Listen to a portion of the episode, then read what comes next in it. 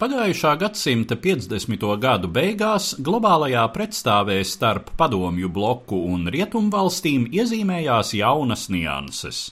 No vienas puses augstais karš turpinājās un kvantitatīvi pat uzņēma apgriezienus abām pusēm kāpinot militāro potenciālu.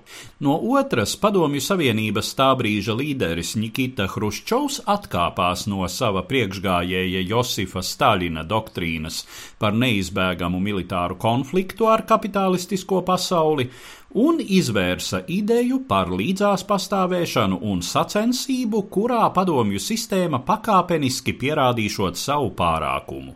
Šāda pieeja pieļāva arī zināmu kultūrālu un informatīvu apmaiņu starp Padomju Savienību un Rietumiem, un viens no šādas apmaiņas piemēriem bija Amerikas Nacionālā izstāde, kuru 1959. gada vasarā varēja apskatīt Sokoļņiku parkā Maskavā.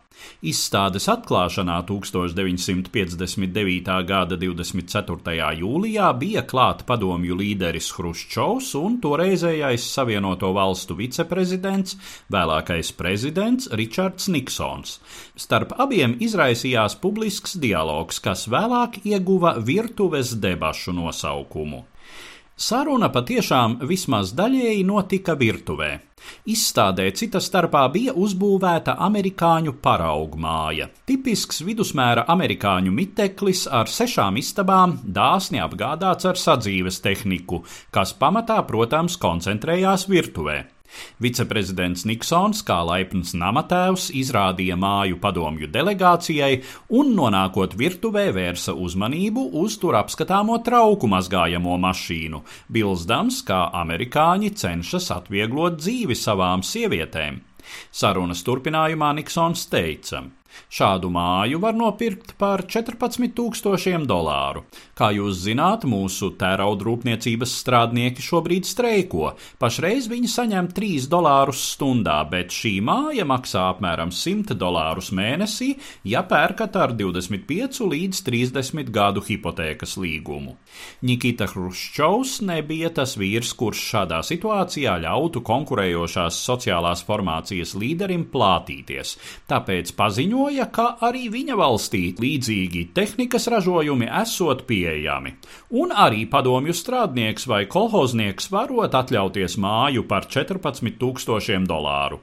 Amerikāņu mājas esot celtas tikai uz 20 gadiem, lai pēc tam celtnieki atkal varētu pārdot jaunas mājas. Krievijā, paziņoja Hruščovs, lai tiktu pie mājas, pietiek ar to, ka esi dzimis Padomju Savienībā. Tev ir tiesības uz dzīvokli.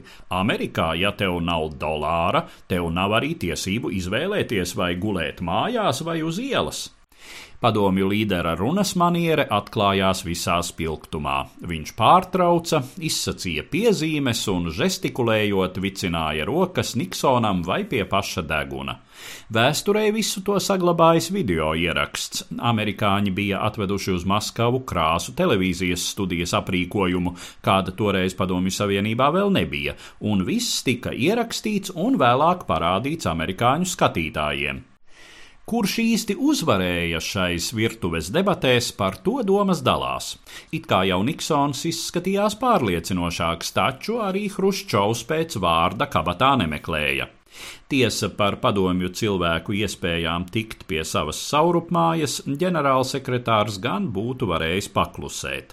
Lai vispār kaut kā risinātu totālo dzīvokļu krīzi Padomju Savienībā, kura bija saņemta mantojumā no Staļina režīma, Hruščova laikā sāka masveidā būvēt tā dēvētās Hruščovkas - daudz dzīvokļu mājas ar griestiem 2,25 metru augstumā un nepilnus 6 kvadrātmetrus lielām virtuvēm, kurās ievietojot gāzes plīti un ledusskapi, vietas vairs slāgā nebija pat veļas mašīnai, par trauku mazgājamo mašīnu pat nerunājot. Stāstīja Eduards Liniņš.